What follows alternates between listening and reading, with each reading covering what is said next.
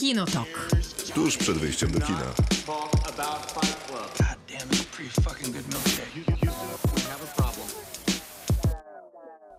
Dobry wieczór, witają się Krzysztof Majewski. Miłosława Bożek. Maciej Stasierski. To jest Kinotok, audycja i podcast o filmach i serialach w każdy poniedziałek od 22, która właśnie wybiła do północy i w każdy wtorek jako podcast wszędzie tam, gdzie słuchacie podcastów, ale przede wszystkim na Spotify'u. Miłka jest w Ramonesce, więc wydaje dźwięki swoją kurtką. Tak to się nazywa? Tak się nazywa. O, Tak ja. się nazywa. A dzisiaj Jestem będziemy... bez Ramoneski. Tak jest. A dzisiaj będziemy rozmawiać o filmach i serialach, a w zasadzie to o filmie i serialach. Tak, będziemy rozmawiać o, o Marvelu najpierw, bo nowa premiera MCU czwartej fazy? Czwartej Czwartej fazy. fazy. Dziękuję. Ale zaczniemy od w robocie. Tak jest. A w robocie nawiązuje do tego nowego filmu czwartej fazy, czyli Doctor Strange w uniwersum Multiversum Obłędu. obłędu. Jest to obłęd, naz- to nazewnictwo. E, A w robocie dotyczy właśnie ulubionych i znienawidzonych postaci z Marvel Cinematic Universe, albo jak niektórzy mówią, że to jest e, multiversum Marvela już teraz, a nie tylko uniwersum. No i wtedy ten Doctor Strange, a później A później e, będziemy mieli gościa. To Bartek Tomczak, y, spec od sportowych spraw, komentator y, koszykówki, znawca NBA, a skoro znawca NBA, to będzie nam Bartek tłumaczył, na czym polega y, historia Lakersów, y, bo będziemy recenzować serial im poświęcony. Tak, serial się nazywa Winning Time Lakersi Dynastia, Dynastia Zwycięzców. Zwycięzców. Tak się nazywa. E, I jest dostępny na HBO Max. A na koniec będziemy recenzować epicką opowieść prosto z Azji na podstawie bestsellera w sumie Amerykanki tak naprawdę, miesz- Azjatki mieszkającej na Manhattanie jest to Pacinko, dostępne już w całości na Apple TV. No i taki mamy plan na dzisiaj, zapraszamy.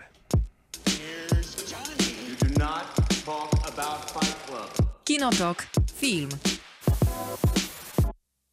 W robocie pojawia się zawsze na naszych mediach społecznościowych w piątek. W piątek zadają wam jakieś pytanie. Czasami tyczy się seriali, czasami filmów, zawsze jakiegoś motywu, który w tych filmach i serialach się pojawia. Z reguły jakiegoś szerokiego motywu, czyli na przykład najpiękniejsze lasy w filmach czy serialach. Nie było jeszcze takiego tematu, chyba musimy go kiedyś Właśnie teraz poruszyć. na to wpadłem, bo znając naszych słuchaczy, to na przykład lasy, Będą dobre na esej. Tak, i to dostaniemy zalew odpowiedzi. Może jakaś poezja Tak, to byłoby super. filmowa. Albo w ogóle nagrana piosenka. O, taka, y, jak człowiek sobie sam akompaniuje na Lasem. gitarze. Albo, no, czyli gitarą w pewnym sensie. Więc y, pytaliśmy tym razem w nawiązaniu do superbohaterszczyzny, o którą pytaliśmy wielokrotnie już, bo pytaliśmy o ulubionych superbohaterów, y, o ulubione heroiny, o wiele rzeczy związanych z MCU, czy też w ogóle z komiksowymi filmami. No i trochę nam się skończyły pomysły, więc stwierdziliśmy, że może pogadamy o postaciach, które są w MCU, tych, które lubicie najbardziej, które lubicie najmniej. No i wrażenie jest takie, że ludzie mają chłodny stosunek do postaci z Nie Marvela. ma o czym Albo do rozmawiać. takich tak? ankiet muszę wymienić i takich, i takich. Ja wpisałem i takich, takich, żeby wiesz, ktoś mógł napisać, napisać, że lubię takich, a ktoś inny napisać, że takich to ja nie lubię. No ale no nic. Aleksander napisał, że najgorsze z mojej opinii to te najbardziej bezpłciowe, czyli Malekith z Thor Mroczny Świat oraz Duch z Ant-Man i Osa. To są moi faworyci. Niejakość napędzana bezsensownymi motywacjami skutkuje, że zapominamy o nich od razu po wyjściu z seansu. No i naprawdę to są dwa świetne typy, z którymi Ghost trudno się nie zgodzić. typem. Trudno się nie zgodzić, to W sensie, prawda. kiedy Aleksander napisał o Ghostie z Ant-Mana, To musiałeś długo szukać bo, nie, bo to pamięci. dopiero mi przypomniał, że w ogóle istniała taka postać. A która to była? To była ta, która Taka tak przeni- zamaskowana, przenikała taki ninja. między tymi światami, pff, w, w tymi z Hanka Pyma, czyli tymi kwantowymi, czy jakimiś tam. Taka zamaskowana trochę na Była, to, był, to był ładny efekt y, dosyć, jak ona się tak, tak, rozmywała. tak, tak, ale zero motywacji i w ogóle zero postaci. tak, tak, zero postaci. Zresztą podobnie z Malakifem, bo, O, on, to y, bo on z kolei postać. świetnie wygląda. Nie? To jest biedna Dobrze, postać, bo ma dobrze swój wygląda. język, w ogóle Mm. jest taka całkiem niezłą mitologię w tle.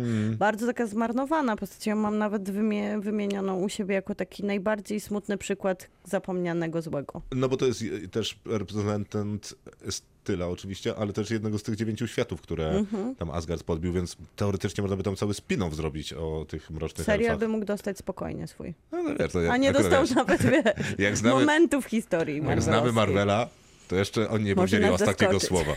to prawda. E, Basia pisze, że wpierw. O, o, o, tak pisze. O, pierwszy raz trafiłam na ankietę w robocie. Ulubiona to Kapitan Marvel. Nie dość, że ma fajne moce, któż by nie chciał mieć super siły, strzelać laserami i latać w tym po kosmosie. I jeszcze, mimo wszystko, była tą pierwszą żeńską superbohaterką w MCU. Black Widow nie liczę, bo ona jest jednak uosobieniem męskich fantazji o kobiecie superbohaterce. Bardzo nie lubiłam za to Lokiego. Zmieniło się to jednak po obejrzeniu serialu, który daje mu jednak ciekawą historię.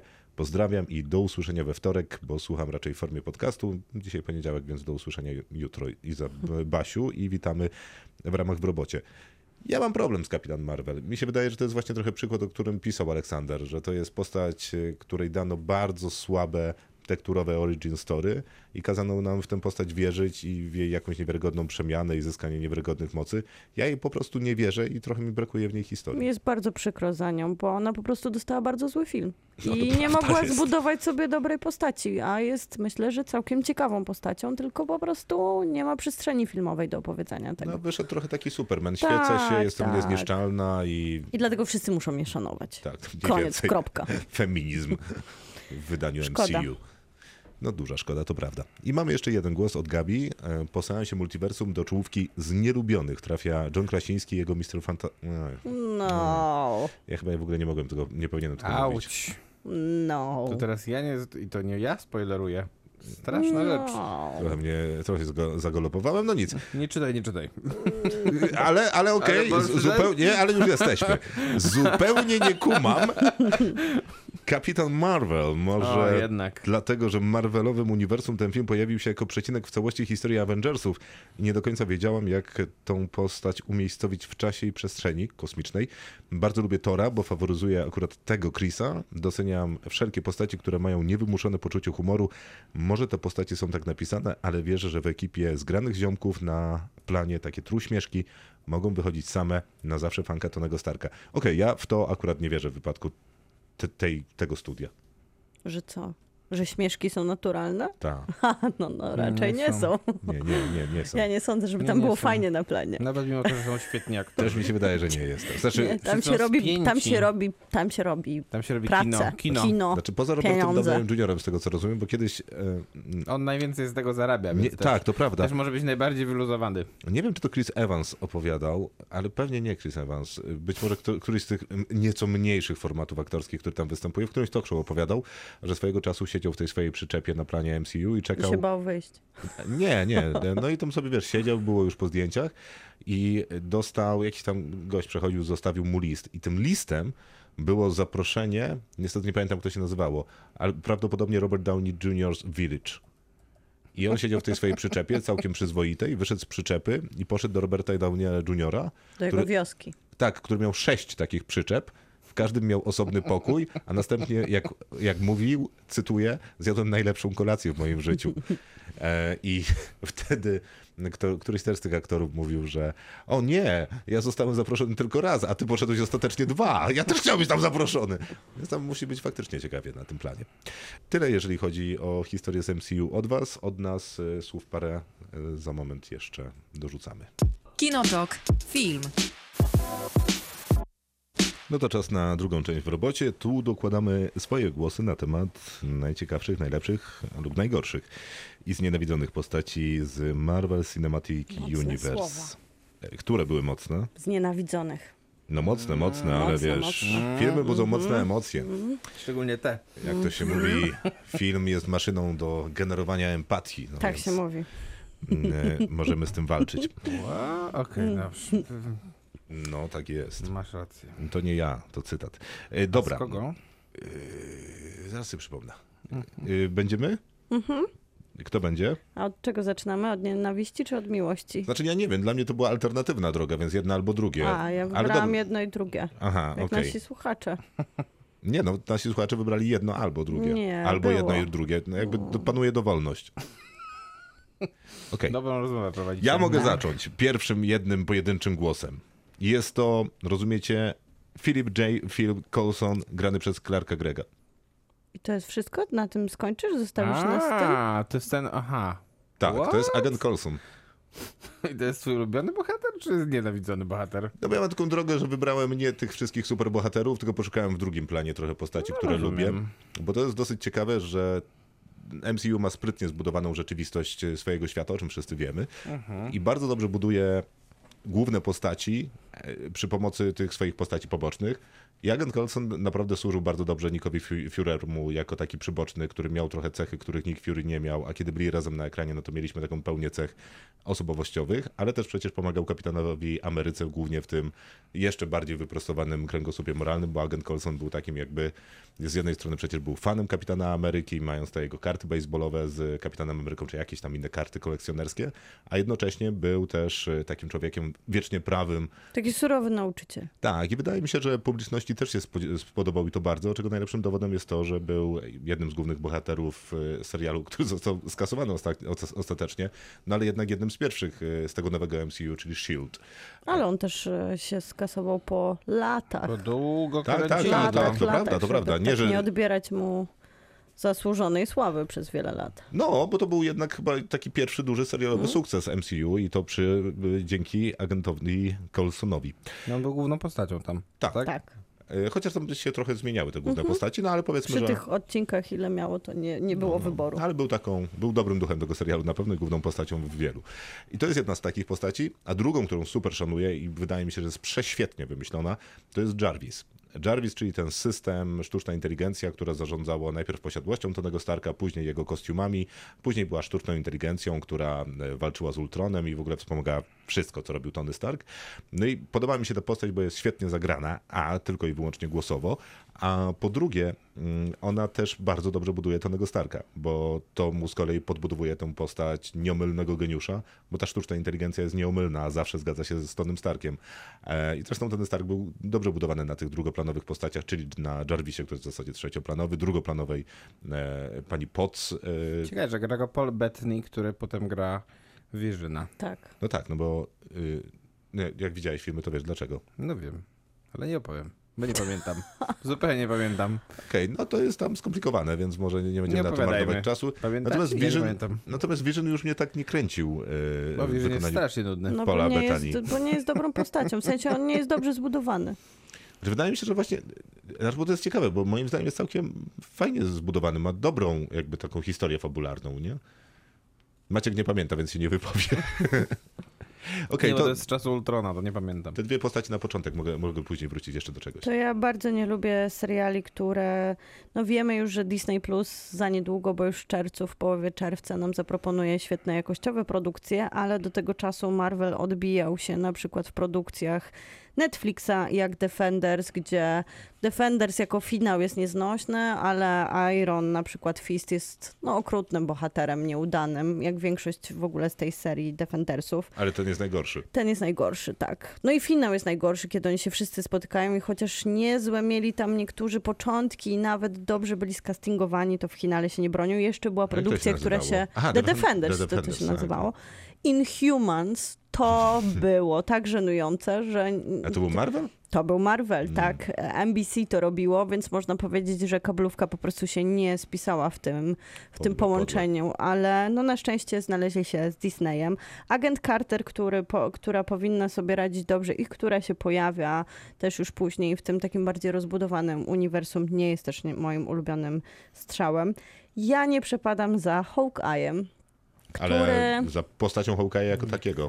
Tak, jest to dla mnie bardzo problematyczna postać, bo wydaje mi się, że chociaż ma smutne talenty, jak łuki, strzały, to w sumie nic więcej nie ma, więc bo nie ma żadnej osobowości, nie ma, ta postać jest po prostu, tylko się potykają Avengersi o Hawkeye'a i Jeremy Reiner, po prostu też nie działa castingowo dla mnie. Mi się wydaje, że Bo- akurat Jeremy Renner jest całkiem fajnym aktorem, tylko że to chyba nie, może nie jest rola dla niego? Może to nie jest rola dla nikogo, bo ta postać nie istnieje. A może właśnie gdyby to był bardziej charyzmatyczny aktor, to Nie. obroniłby te łuk i strzały jako jedyny Ale mi się wydaje- element. ma. Mi się wydaje, że oni za- zaskakująco dużo inwestują jednak w postać tego Hawkeye'a? Teraz Bo serial swój ma, będzie miał w swój, Polsce ale niebawem. W samym MCU, no to on przechodzi przemianę, no bo Tak. przecież zamienia się w tego żądnego zemsty. Mamy cały wątek o jego rodzinie, co najmniej kilka razy strasznie dużo. poświęcany. Mamy przecież jego najważniejsze poświęcenie, czy też Mhm. To finałowe, próbę poświęcenia. które w ogóle nie wybrzmiewa emocjonalnie z tej perspektywy, że nikt nie Nie. przywiązał się do Hawkeye'a. Nie, myślę, że tam ludzie czuli emocje akurat w tej drugiej części Avengersów. Nebula też nie budzi we mnie żadnych emocji, a jest to też taka postać, która ma w sobie taką właśnie, podobnie jak Hawkeye, ma przeżywać taką wielką transformację na ekranie. Zawsze mnie troszkę irytowała. Nebula, nie, a Gomora za to do, cie, do ciebie trafia. Nie, nie trafia szczególnie, e, Myślałem. więc myślę, jest że która? Gomora, Gomora to jest jest Zoe. Saldana, a Nebula to jest ta druga. f- ta jej jest- siostra. Nie, no to Gomora jest super. Nie, no jak? War Machine też do mnie nie trafia zupełnie. Jest War też Machine jest świetny. To ma bardzo dobrą scenę e, w O, drugich Krzysztof, Avengersach. odnalazły się w scenach, No, dajesz. No nie, no ale to po prostu przypominam, no bo nie ma znowu aż tak dużo tego grania. No nie ma. Że w drugich Avengersach ma taką scenę, kiedy jest impreza Avengersów. E, No to on opowiada tam o tym, jak rzuca czołg dyktaro- dyktatorowi. E, Właśnie opowiada to Tonymu Starkowi i Thorowi i oni go nie słuchają. To jest świetna scena, przecież jest bardzo dobra humorystycznie. Nie?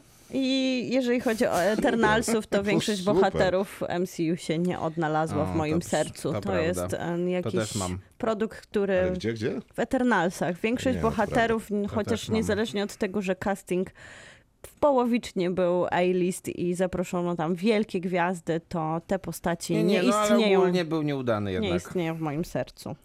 Tak, z tym się też zgadzam. Ja lubię E, jedną postać z Eternalsów. Tak? Mhm. Którą? Ale Nie pamiętam właśnie, jak się nazywała. Opowiedz coś o niej. No to jest ta, która nie mówi. A, Jest e, ta, nie ma postać, która jest super szybka. Nie, nie, nie, nie, nie, ja ci nie powiem. Ja, Ja też nie powiem, się jakieś że też ich nie lubię wiesz, raczej. Star Foxy, Teny i inne takie, no to, to pamiętam. Ja zanim, zanim ten, zanim przestaną nas wszyscy słuchać po tym, co powiem, Aha, to powiem, że nie lubię też Eternalsów. okej. Ale to ja też nie lubię Eternalsów. nie lubię e, kilku wilenów e, marvelowskich tak szczególnie, Mhm. bo miałem wrażenie, że jednak e, ta seria, ten, te filmy mają często problem z Tak. tym. To jeden się na pewno, jeden się nazywa Abomination i on jest z Incredible Hulka i on jest bardzo zły. To I- czekaj, to I musimy gra, tu gra go porozmawiać. Tim Roth. Bo ja mam na tej liście e, tę postać. Jaką ulubioną? Tak, Uuu, Bo wydaje mi się, że- fight, fight, fight! bo wydaje mi się, że Tim Roth, dopóki nie staje się Abomination, to jest super jako ten taki żołnierz z misją. Okej, to gdzie w Tim Roth nie jest super? Y, Tu się muszę zgodzić z film, Maćkiem. Gdzie Tim Roth nie jest super, sama jego obecność na ekranie wystarcza, a potem staje się wilynem, którego nie da się oglądać. No, to prawda, ale dopóki jest Timem Rothem, jest świetnie. No, No bo je- Marvel ma problem chyba z motywacjami nudy, swoich nie? bohaterów i z takim komizmem Więc to jest pierwszy. mówienia ich Nie, ale dobra, ale motywacja Tima Rotha akurat w Jest tym... jaka? No tak, m- mnie wydaje się, że to jest całkiem niezłe, no bo y, wojskowy posunięty do granic takiego absurdalnego sportowca, który zrobi wszystko, żeby przekroczyć swoje, znaczy żeby dalej być młodym i y, tym najlepszym, najsilniejszym, jest całkiem niezła. Być może, jak to Marvel, przesadza na przykład o 6 metrów objętości bicepsa. Z... No ten design nawet tej postaci nie jest fajny. Nie, jest tragiczny. No, więc No ale motywacja jest jakby taka dosyć wytłumaczalna. No. No taka w miarę logiczna, bo to się faktycznie czasami nie udaje trzymania jakiejś logiki. drugi, Jeżeli chodzi o ich motywację. drugi z tych wilenów to jest em, gościu, który się nazywa Darren Cross i jest wilenem w pierwszym Ant-Manie. I on też jest, i, i gra go taki aktor Corey Stoll, ten, który, ten którego Kevin, chce Kevin zło? Spacey zabił w pierwszym sezonie House of Cards. A czemu on chce czynić zło? E, nie pamiętam zupełnie właśnie, ale No, pamiętam, że jest nie strasznie pamiętam. nudny. A to kim on jest w tym Ant-Manie? No on jest szefem jakby tej całej A, tej korporacji, korporacji. która chce Mhm. wykraść tą, em, e, Technologię. tą technologię, którą wymyślił Michael Douglas. Nie istnieje w mojej O, właśnie. pamięci. Więc to jest drugi. Trzeci to jest Mats Mikkelsen w, Dar- w Doktorze Strange'u i bo, postać się nazywa Cassilius i jest też niezwykle nudna. Mass Mikkelsen? Mhm. Mhm. Ale Mads świetny, Mikkelsen, świetny tak. makijaż. No i e, niestety też On nie miał tam lubię... taki brokat, jak ty nosisz. No, no Jak ma. bardzo lubię akurat te filmy, e, co się ujawni w drugiej jakby części mojej wypowiedzi, to niestety nie lubię postaci, która się nazywa Ronan the Accuser i jest wilenem w, w, w Strażnikach Galaktyki pierwszej części. Jest. Jest. I no i to jest, są jakby, to jest mało kontrowersji teraz było, a teraz będzie więcej, bo ja niestety nie lubię też dwóch innych postaci. Jedna się nazywa Kapitan Ameryka. No i nic dziwnego. A druga się nazywa T'Challa, Kap- Czarna Pantera. Okej, ja za T'Challą też nie przepadam. Natomiast Kapitan Ameryka, To jest taki Spider-Man, nie da, Boże, Superman. Nie da się go lubić troszkę. no nie wiem, mnie wydaje się, że MCU dobrze ogrywa Kapitana Ameryka, że on się nabija sam z siebie. A nie masz wrażenia, Nabijają się że z jego. Troszkę się starają Przecież zrobić. początek-. Starają się. Z drugich tak. Avengersów. Chris Evans jest jednak za mało talentowany. Ale jest super charyzmatyczny. Natomiast druga rzecz jest taka, że większość filmów nawet, która ma Kapitana Amerykę jako taką postać główną, Mhm. dominującą, Są najlepsze. to i tak e, on jest na drugim Mhm. planie w tych filmach często. No nie, no ale w, w Zimowym Żołnierzu nie jest na drugim planie. No nie jest. No ale Tak, tam jednak na ma duży wątek taki... No ale to on nie jest najlepszy w tym filmie też. Ale nie jest też najgorszy. Nie jest najmocniejszym te elementem tego filmu. A kto Ten film jest? ma mnóstwo dobrych rzeczy, ale ten fi- ale on Aha, nie w jest tym wcale, sensie. nie jest Mhm. wcale takim najmocniejszym elementem, bo ciekawsza, y, w, bo w samej relacji, która tam jest na pierwszym planie z Nataszą Romanow, to generalnie nie ma, nie ma żadnego startu Kapitan Ameryka. Nie ma, ale to jest dobra relacja. nawet pamiętam tak, o, tylko, o tym, co rozmawiałem. Scarlett Johansson zjada Chrisa Evansa na śniadanie. No ale on ma po prostu trudną postać do ogrania. No bo tak jeżeli myślę. masz e, Bo co by ład, chciało, żeby ładnym Gary Oldman chłopcem zagrał- być, no właśnie, ładnym chłopcem, który się nie starzeje, nosi tarczy, Pewnie. jest świętoszkiem, mógłby sprzedawać jako flagę na harcerz. Tak, jako harcerz No tak, mógłby on jakby- sprzedawać ciasteczka, on sam Kupiłby. z siebie pchając, każdy by kupił, cała Ameryka by kupiła od niego ciasteczko. On sam z siebie jest No. nudną postacią. Jest, jest, dlatego jest Ciężko patowa go ograć sytuacja. dobrze, no więc to Ale jest... go nie zepsuli, bo mogłoby być No bardzo, zepsuli. bardzo źle. No ale nie, to przecież w porównaniu, y, w sensie Falcon, ten, który jego przyboczny, to jest nudziarz w porównaniu do Kapitana Jest. Ameryki. No ale jego Jest, on też nie jest. jest na pierwszym planie tak bardzo. Jest. Nie, no okej, to ja roz- rozumiem e, Ja nie kupuję ten Falcona. nieuzasadniony atak na Kapitana Amerykę i na nasz styl i sposób życia, no ale trudno. Ale więcej mam tych postaci, które lubię. Mam, mam zacząć Pro, czytać? proszę, proszę. Eee, to od takich, to może zacznę od Spróbuj takich... z pamięci, my zobaczymy jak je lubisz. Może zacznę od takich, które są mniej takie oczywiste. To to e, wracając do tych Strażników Galaktyki, to ja uwielbiam e, Roketa, oczywiście. To nie wiem, czy to jest takie mniej oczywiste. Ciężko nie lubić A ja uwielbiam, trucka a ja uwielbiam Gruta. filmach, No wiesz, to nie, takie... nie, no ale w sensie mniej oczywiste niż na przykład to, że napisałem sobie Ironmana, A, tak? okej. A o tak, to to mi nie, chodzi. Ale Okej. druga postać Okej. ze Strażników Galaktyki, którą, co lubisz z MCU? Ironmana. którą bardzo lubię, to Yondu. I Yondu jest uważam, bardzo że jest fajny. To naprawdę prawda. fajną postacią. Szkoda, że już go nie będzie. Co jest jakby odhaczone, więc, więc tu nie, nie spoileruję za dużo. Mhm. Eee, Mantis ja lubię, z, e, jeżeli chodzi o Strażników Galaktyki.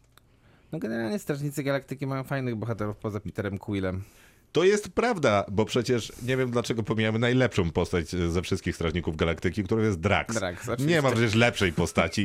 No, przecież ktoś, kto wymyślił e, całą scenę z to nie jest e, the dude, e, this man, jest przecież przewspaniała. Scena, w której on tak wolno się rusza, że znika, jest wspaniała, a cały pomysł na to, że nie rozumie żartów, ironii, sarkazmu i innych takich, to przecież jest po raz pierwszy, znaczy być może gdzieś to kiedyś ktoś jeszcze wymyślił, ale super to spopularyzował Marvel i to było przecież kopiowane już w innych filmach. No jest to przecież cudowna postać. No tam jest dobra ekipa. To jest prostu. mój punkt drugi po Colsenie, którego zdążyłem tylko powiedzieć. Ja jeszcze mam trzech wilynów, których uważam, że warto wymienić. O, dawaj. Dwóch jest oczywiście bardzo oczywistych. Czyli? Mm, Thanos i Loki. Aha, okej. No Loki to jest Dalej. takie, wiesz, Yy, taki zły, ale taki dobry natomiast, zarazem. natomiast najlepszym moim zdaniem wilynem, i to akurat jest bardzo paradoksalne, bo z Mhm. filmu, którego nie znoszę, Aha. to jest Killmonger z Czarnej Pantery. Tak, bo to jest dobry e, prze- przeciwnik. Tego, to jest No, w zasadzie jedyne, lubię. co można e, obronić w Czarnej Panterze. Nie lubisz go? Nie, bo ja nie lubię całego filmu. Wszyscy tam A. dla mnie blado wypadają. To jest prawda. No, To jest przykre, bo pewnie są tam jakieś postaci, które się bronią, ale dla mnie w całości... Ale on ma nawet świetną charakteryzację, bo jest ten taki, e, to starcie na gołe klaty Taczali i, i, i jego w tej, w tej, Jest, w jest. tym, Tej, tej tradycyjnej, tak. tradycyjnym miejscu. No i on z tymi bliznami, z tam z, z super klatą i nie No wiadomo czym jeszcze świetnie, też No gra Michael B. Jordan. Ale ma też bardzo dobre motywacje. Yy, I teraz chyba Miłka się ze mną zgodzi, bo ja na przykład po stronie lubianych yy, wypisałem prawie całą obsadę Shang-Chi. Yy, uważam, że po pierwsze główny bohater jest wspaniały, Bardzo naprawdę. Po drugie, e, Aquafina bohaterka, którą super. gra Aquafina Kate jest super. Znaczy oni mają dobrą chemię, co I też po trzecie, co też jest, e, co też, e, co tylko Marvel potrafi coś takiego robić i takie pieniądze dać, żeby aktor Wong Kar-wai, Tony, Leung zagrał tutaj takiego nieoczywistego wilyna i myślę, że ta postać też jest bardzo ciekawie skonstruowana. No ten aktor jest fenomenalny, więc... Wszyscy tam są super. O Boże, to było Super. słychać? Przepraszam. Więc to. A, no i jeszcze z takich mniej oczywistych to jest akurat postać, którą bardzo lubię za też film, który chyba nie jest tak bardzo oczywisty, jeśli chodzi o wysoką pozycję w MCU, czyli Iron Man 3. I tam jest taka postać, którą gra Ben Kingsley, która się nazywa Mandarin. Mhm. Ladies. Znaczy to, przepraszam, Children. to on gra też e, w Shang-Chi. Gra, gra, też, gra i ma więc najlepszą maskotkę, jaką można sobie wyobrazić. Znaczy ja go wyłączyłem z listy, ponieważ jest na naszym zdjęciu do w robocie. No to prawda, No, ale ale, ale jednak jak mówi, i to w zwiastunie jest Ladies, children, Nie, I jest, consider myself a teacher. nie, on jest Brawa znakomity. dla niego. Tak, tak, tak, wszystko z nim jest dobrze. Ale to jest zaskakujące, jak wiele drugo- czy trzecioplanowych postaci jest Się broni. cudownie wymyślonych w Tak, to W sensie prawda. bardzo funkcjonalnych, ale bardzo takie są to małe e, No, ale popisy są też aktorskie. takie pierwszoplanowe, które też się bronią. Nie, tak, no ale ja są, akurat są, szukałem są. drugoplanowych, bo przypominam, że Blonsky to już było, ale jest ta Jelena Belowa, czyli Florence Pugh No, ja w też Black Widow. tak, mam na, wiadomo. też ją mam To na jest- Zapomniałem o niej. Też jedyny Super. plus z całego filmu. Nie, nie, nie, Black nie, Widow. ale, jedyny. y, ale tak, A ale jaki jest drugi? No, Finał, myślę, że, finał jest super. Myślę, że... y, Co, co? Finał jest super. Nie, no finał ładnie. Nie, akurat jest... Świetny jest ten pomysł, że nie może go zabić, bo, y, in- bo, bo wyczuwa jej Ale zapach. no, cała obsada Black Ja Widow tam jest się super. na Black Widow dobrze Ja bawiłam. też Może się bawiłem poza... dobrze, piątka. Ale Florence Pugh David mam na... Harbour, Tak, e, spa... Rachel wspaniał... Weisz. wszyscy są wspaniali jako rodzina. Wszystko super. No dobra. Sceny w tej, Ja- w tej, na tej Jest farmie jeszcze są Justin, bardzo fajne. Justin Hammer w drugim Iron Manie z kolei, który bardzo żałuję, A, że ten zniknął. Sam Rockwell. No. Oj, tak, wspaniały To rzeczywiście. prawda. Ja liczę, że on wróci w jakimś serialu. I Tak, ostatnio Radek Pisula o nim przypominał na Tak? i mówił, że jest to rzeczywiście wspaniały wilen, a, a film bardzo zły. Radek Pisula na Full Frontal Pisula do znalezienia, napisy końcowe podcast, który oczywiście polecamy, tam o popkulturze, o bardzo, komiksach. bardzo ciekawie i fajnie pisane. Tak, Ja i się, zawodowo. zawsze bardzo cieszyłam, jak Stanley się pojawiał. Tak szczerze. Nie, ja nigdy. Nie to... No, cię. naprawdę, tak się szczerze cieszyłam. Jak, ja bardzo lubię Lokiego i mi się podoba, jaką on przechodził drogę w MCU i myślę, że tu jest ogromna zasługa jednak Toma Hiddlestona, który... Nie, nie, jest absolutnie, on tylko on jest. Ale, z, ale jest tu też napisana ta postać. On y, tak Nie, nie, ale naprawdę jak z nie byłaby czasem tak dojrzewa. wygrana, nie to byłaby, ten- to nie byłaby taką postacią, bo myślę, że to jest siła MCU, że potrafi nawet w kiepskich produkcjach świetnie castingować i to Tak. udowodniły seriale, bo na przykład Jessica Jones jako Kristen Ritter jest wspaniała i chociaż nikt jej nic nie napisał i ten serial się czołga i dodatkowo David Tennant jako jej przeciwnik, no te, to duo jest cudowne i to jest casting, chociaż nie ma treści. Mark Ruffalo jako Hulk jest cudowny, w To sensie prawda. jako Bruce Banner. Nie, nie, nie, jest, bardzo Jest dobry jest. cudowny i to jest casting. Tęsknię za Edwardem Nortonem. Ja w ogóle nie. Ja nie tęsknię, jak patrzę Nie. na Marka Ruffalo. To Kingpin e, Vincenta D'Onofrio, też serialowy, jest fantastyczny, chociaż tam nie ma nic napisanego, to jego fizis patrząca się w białą ścianę Tam jest, Jest- scena, super intensywnie zbudowana i to Jaka jest tam zasługa jest scena? aktorska i to fizyczna. jest taka scena, kiedy ten bardzo duży facet w białym garniturze jest w swoim penthouse'ie, bardzo czystym i bardzo takim naświetlonym panoramicznymi szybami i on rozbija jajka, a następnie robi z nich omlet w stylu francuskim, który wcale nie jest łatwy technicznie. I tyle. To jest przepiękna scena i naprawdę bardzo mało e, jest seriali, On które naprawdę- superbohaterskich, które mogą sobie pozwolić na taką scenę, która naprawdę świetnie buduje postać. A ten Vincent serial D'Onofrio? ma ile? Ze dwa sezony? Dwa. Dwa sezony i Defendersów jakby w finale, ale dwa A chyba sezony. ma powrócić Bo ten to serial. Daredevil, Nie- oczywiście nie wiem. mówimy. Ale Vincent D'Onofrio praktycznie nic nie ma tam do mówienia, poza staniem, patrzeniem i graniem swoją fizycznością i jest omletu cudowny. francuskiego. No zwykle tak gra też. Ja wiem, ale tam to działa i ja bardzo lubię Paula Ruda jako Antmana i chociaż ta seria ma Nie. Antman jest nieznośny. Tu nie, nie, nie, nie dogadamy się. Paul Rudd, ja go po prostu uwielbiam. On ma właśnie tą charyzmę, że broni troszkę jednak głupią postać. Jedna postać, której nie lubię w MCU. Jedna. No. To jest Jane Foster grana przez Natalie Portman. To jest tragiczna jest szansa, postać. że się nada, że ten, Ale- że odrobi zaległości Nie wiem, teraz. co mieliby z nią zrobić. Ale Krzysztof, ona miała po prostu strasznie złe filmy do grania w nich. Wtedy Nie, ja ci powiem, Thor co- też był najgorszy. Ja ci powiem, co ona miała prawda. Przecież strasznego. Thor był najgorszy Strasznego to ona miała agenta. wtedy. Nie, agenta miała niezłego, bo wyczuł, że w MCU Ale teraz ją super. przywrócili. Zagrała Dużo dwa pieniędzy będzie. tragiczne filmy. No ale Chris Hemsworth też wtedy wypadał najtragiczniej jak można, bo filmy były tragiczne. Tam Ale, nie było co ale grać. wtedy też, ale Tom Hiddleston miał co grać. W I- Lokim. I w, Bone. w torze pierwszym. You do not talk about Fight Club. Kinotok. Film. Doktor Strange w multiversum obłędu trafił do kin w piątek. A nawet chyba w czwartek. E, nie, w piątek. Nie było przedpremier. Były przedpremiery od środy nawet we Wrocławiu. Żartujesz? Czy niby? W naszym kinie, Nie. którego nazwy nie będę Nie wymieniać. Nie mi było. Były na pewno czwartek. Fajnie, że mamy to ustalone. Dobra, dobra, dobra rozmowa. Mhm. Doktor Strange w multiversum obłędu jest w kinach aktualnie i pewnie jeszcze trochę będzie. A zaliczył ósme najlepsze, nie, dziesiąte najlepsze otwarcie w historii otwarć. Brawo. W historii kina. I czwarte, jeśli chodzi o MCU dopiero. Tak, duża Mhm. rzecz. Mówi się, że może mieć nawet ósme, jeżeli chodzi, jak policzą wszystko. W Polsce nieźle, ale y, Harry'ego Pottera, czyli Fantastycznych Zwierząt Tajemnic Dumbledora nie przebił. No ale fantastyczne zwierzęta sobie nie radzą na świecie, więc e, myślę, że Coś za coś. tak. E, Doktor Strange, czyli drugie przygody Doktora Stran- Strange'a, czyli jednego z Avengersów, bo on chyba oficjalnie jest w tym teamie Avengersowym, bo walczył z Thanosem. Na pewno jest. Więc parę filmów ma za sobą, ale takie pojedyncze filmy tylko o nim, no to dwa. E, Tym razem jesteśmy właśnie w jakimś takim dziwnym momencie, bo mi się wydawało, że będziemy już po Spider-Manie Multiversum i niby jesteśmy, bo on do tego nadmienia, się, tak. ale jakby nie widać tych No Way Konsekwencji- Home.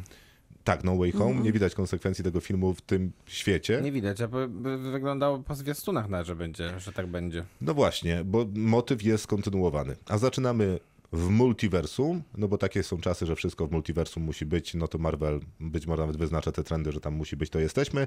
I zaczynamy od tego, że Doctor Strange jest y, na weselu, bo wracamy do postaci Rachel McAdams. e, I W ogóle nie pamiętałem, że była w pierwszej części. No właśnie, Też ja, dawno temu była pierwsza część. ja też nie, więc osie- ciekawy pomysł. 6 lat temu, Tak, tak? No to już temu. jest jednak dużo czasu minęło od pierwszej odsłony Doktora Strange'a. Ale tutaj jakoś tak płynnie, no bo wiemy, że emocjonalnie są powiązani. Nie powiedziałbym, że to jest płynne. Mm, Zupełnie tego nie wiemy. Jak? No i pojawia się szybko postać, Maciej pomóż, Soshil Social. Soshil Gomez, czyli e, pani, która w filmie nazywa się Ameryka i ona ma umiejętność przenoszenia się pomiędzy różnymi multiversami. Jako A właściwie jedyna nie we ma tej umiejętności, bo nie umie Tak. jej kontrolować. Ma tę moc. Tak. ma tę moc. Będzie e, ćwiczyć umiejętność. No i mamy postać Scarlet Witch, granej przez Elizabeth Olsen. Dla tych, którzy nie pamiętają, to jest ta, która ma tę czerwoną moc. Tak. Wanda Maximow, która przeszła bardzo, na złą bardzo, stronę. bardzo, bardzo poważna i bardzo Groźna. wielka i groźna i powerful. I tutaj trochę w Polsce mówi. mamy problem, bo w Stanach. Zjednoczonych i wszędzie tam, gdzie Disney Plus postanowił już być obecny, czyli nie w Polsce, U nas 14 czerwca. u nas 14 czerwca, tam się pojawiła WandaVision, czyli serial, który trochę opowiada, dlaczego Wanda Maximow jako czaro, cza, czarownica, jako wiedźma, która była częścią Avengersów, przeszła tak naprawdę na złą stronę mocy No tak, i ale ten, jaka se- jest ten jej film trauma. też to pokazuje jednak. W 5 sekund, ale e, ten... Ja, ja przynajmniej byłem w stanie zrozumieć, o co chodzi. No wydaje mi się, tak że mało jednak jest tej historii, że kwestia motywacji wtedy trochę lepiej wypada pewnie, jak zna się kontekst tych odcinków miniserii, niż jednak powtarzanie moje dzieci, moje dzieci. no Moje niestety dzieci. głównie tutaj są moje Myślę, dzieci. że Gra jednak serial dałby nam Mm, tak, tutaj gra. większy, większe odbicie emocjonalne niż ten smutek, No, a to który No tak, bo to jest ileś odcinków, w którym Tak. wydarza się cała pewnie ta traumatyczna historia. nie? Zakładamy, To że tak jest. Trzeba szefa Disneya postawić do pionu, żeby jak najszybciej jednak Disney Plus się pojawiło. Tyle, taka mniej więcej historia. E, Co Jest ciekawe, jeszcze Benedict Wong. E, Jest jeszcze Benedict Wong, to prawda, czyli w zasadzie ten e, najwyższy, Najwyższy mag. czarodziej, najwyższy mag, no bo Strange Okazuje się, że oddał mu to stanowisko, czego ja nie pamiętałem, ale to też jest całkiem urocze. Z ciekawych informacji, no to chyba jeszcze ta, że reżyseruje Sam Raimi, co jest dla wielu ważne, ponieważ wielu uważa, że to ten, który zbudował podwaliny dla współczesnego kina superbohaterskiego swoimi dwoma Spider-Manami dla Tobey Maguire'em. horroru powiesz. Ale dla... Też troszkę. Bo bardziej w tą stronę. No, ale trzymam się superbohaterskiego i jasne, ten horror też tutaj jest ważny, bo... Bo no, jest bardzo ważny. Bo Doctor Strange będzie udawał, że jest takim mm, trochę horrorem. Bardzo udawał, moim zdaniem. No nie, myślę, że sam Raimi tutaj się odnosi bezpośrednio do swoich filmów. Robi sobie taką laurkę donosi. twórczości Martwe Zło, które też miało ostatnio kontynuację w serialu. I No dobra, obsada Bruce'a Campbella. tak, więc Tak, jakby... w filmie pojawia się cameo Bruce'a Campbella. Więc jakby jest tutaj bezpośrednie odniesienie bardziej nawet do spuści- niż do spuścizny superbohaterskiej do tego, co zrobił z gatunkiem horroru, a on nigdy nie straszył, on bardziej wykorzystywał tą krew do takiego... Pośmianie się. Tak, Takiej pośmiania się, co dlatego można było przenieść na film, który ma kategorię wiekową 13 lat, no bo ciężko szukać horroru, A, jednak ale wyci- wyciska z tej trzynastki wsz- chyba wszystkie możliwości, jakie daje gatunek horroru, czyli właśnie krew, czyli trochę taki body horror, oczywiście zombie, które Nie, się nie. pojawiają. Rozmawialiśmy o tym body horrorze. Jest umówmy tutaj się, trochę nie ma tego go tam. body horroru, Nie, ale nie umówmy się. ciężko mówić w nim Umówmy bez się. kontekstu spoilerów. Gdzie on Bo jest tu sporo W finale? cameo. Jest taki problem z tym filmem, e, który dla jednych będzie problemem, dla innych nie. Bo ja byłem na seansie, w którym ludzie bili brawo, w którym wiwatowali, kiedy pojawiały się postaci, które właśnie występowały tam w ramach cameo. Też byłam na takim seansie. I ja myślę, że to jest generalny odbiór e, takiego docelowego widza Marvela, że on jest zachwycony tym filmem, co widać po wynikach e, frekwencyjnych. To jest film złożony z cameo, sama Raimiego, który kłania się samemu sobie przez e, cały film. To jest dla mnie trudne do oglądania. Ja jestem chyba fanem takiego, takiego zlepiania tropów i bawienia się tym, że w końcu jakby trochę się wyczerpuje formuła MCU, trochę trzeba odskakiwać od tego superbohaterskiego kina, które jedliśmy z Avengersami. I też nie ma za dużo tych odskoczni w perspektywie tego, że to się wszystko musi sklejać. Więc ja szanuję takie produkcje jak Doctor Strange dużo bardziej niż na przykład właśnie Kapitan Marvel, który jest takim nieudanym, smutnym filmem, gdzie tutaj jak już trzeba coś zaoferować, to się bierze konkretnego reżysera, który wkłada po prostu siebie dosłownie, bo to robi sam Raimi w tym filmie, że mówi tak, ja lubię takie, takie, takie i takie tropy, ja to wszystko tutaj dam, zaproszę moich fanów, oni będą zadowoleni, masz a przy okazji biorę waszego superbohatera i jeszcze wrzucam w to Disneya, bo to jest bardzo disneyowska produkcja z tymi światami, jest. z tą bohaterką, którą... Ale nie masz wrażenia, że tam jest więcej, jest, znaczy jest mniej tropów i autorskiego stylu samego, sam e, Raimiego niż samego Raimiego? Bo ja mam wrażenie, że on nie opowiada mi filmu MCU w autorskim stylu Sam Raimi, tylko opowiada mi, a to ja, Sam Raimi w filmie Marvela. Myślę, że nie Idź- może iść idź na inny poszukaj. układ z tym wielkim studiem, w sensie, Ja że... w ogóle nie rozumiem, o czym ty mówisz. W sensie... No w sensie on cytuje samego siebie, nie opowiada mi, e, no, a, no dokładnie to Ja, robi. ja, no dobrze, no i co, ale przecież nie kręci, nie kręci martwego zła. Nie, ale ma no, jeden do jednego ujęcia z Martwego Zła. No dobrze, ale kręci jednak film w uniwersum MCU. I myślę, że na No tyle, i ile cytuje może... samego se- siebie, no to... No, No tak, jest to jest ten układ. problem? No to, że mnie to nie bawi. A, Okej, no, No to, to- no to to jest rzeczywiście problem. No w sensie trudno, trudno chyba wymagać od widza. Pod... Ja nie idę do kina jako detektyw, żeby poszukać tego, co sam Raimi znalazł w swoich filmach fajnego, co chciał Zupełnie mi pokazać musisz, bo on, nie, bo, bo, on, Zupełnie. bo on pokazuje to wszystko tak bardzo otwarcie, wyrzuca Dokładnie. wszystko na, na stół. a nawet jeżeli nigdy się nie spotkałeś z jego twórczością, bo masz bardzo rozumiem, po 13 lat albo 14 i powiedzmy nie odrobiłeś zadania z Martwego Zła, Hmm. to nie ma znaczenia, bo zombie jest znane wszystkim jako podgatunek i cieszysz się z tego, że nagle w uniwersum, w którym jest na poważnie, są peleryny i rzucamy tarczami, pojawiają To się się... wyklucza to na poważnie i paleryny. Nie, No, i no te- te- właśnie te- dlatego tarczami. mrugamy, to jest mrugnięciem oka, oka moje, że na poważnie, bo są wszyscy patetyczni w swoich strojach obcisłych. No to nigdy nie myślę, byli. że trop zombie jest jasny dla każdego. Nie trzeba tutaj znać dorobku sa- sama Raimiego. Ale nie, bo Krzysiek uważa, że nie, że nie trzeba, bo on i tak, bo on i tak już e, w tym filmie jest na tyle mocno za, zasygnalizowany przez samego siebie, że po prostu nie trzeba już w ogóle nic wiedzieć tak naprawdę o Samie Raimim.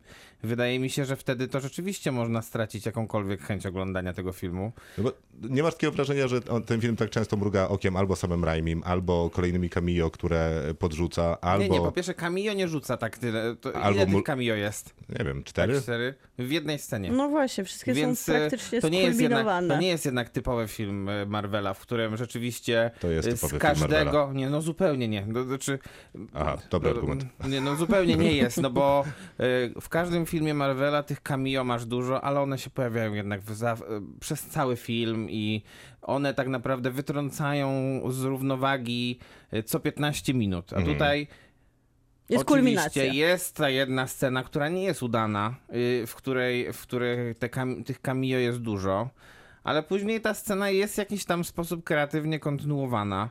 Mm, I to jest tylko i wyłącznie decyzja Sama Raimiego, bo on tak właśnie robi.